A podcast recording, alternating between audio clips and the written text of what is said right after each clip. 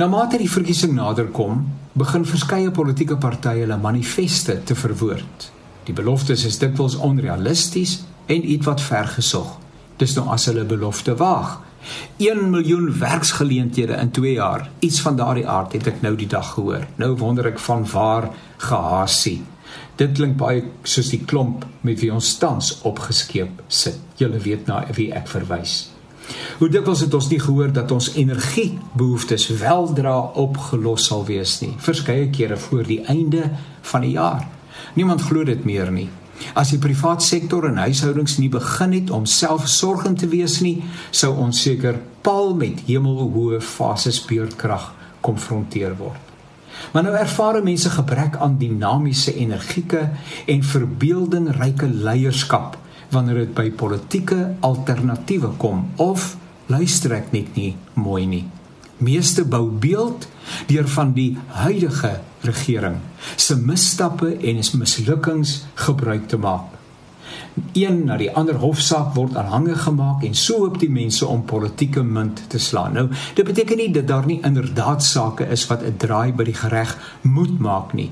Die jongste korrupsie persepsie indeks bevind juis dat Suid-Afrika tans meer korrup is as gedurende die vorige presidensiële era. Stel jou dit voor.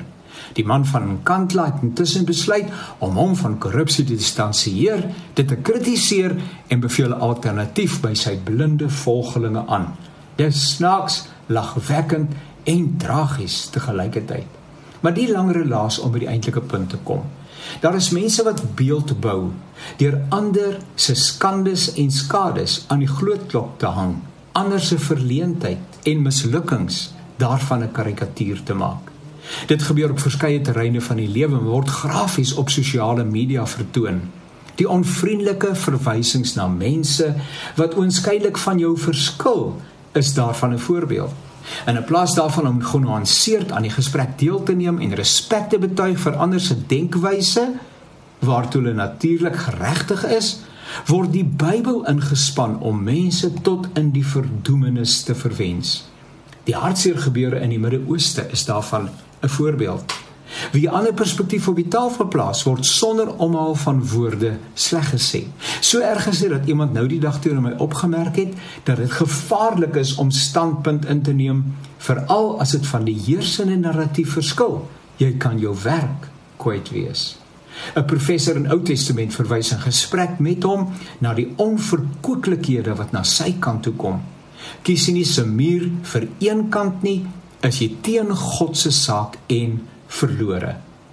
Volwasse mense, die mense vir wie Paulus pleit in Efesiërs, maak nie so nie. Wat nog te sê Christene? Dis tyd dat ons groot word. Dis tyd dat ons mekaar spasie onder God se son gun. Ons mag nie ons eie beeld bou deur van ander mense en hulle standpunte 'n karikatuur te maak nie.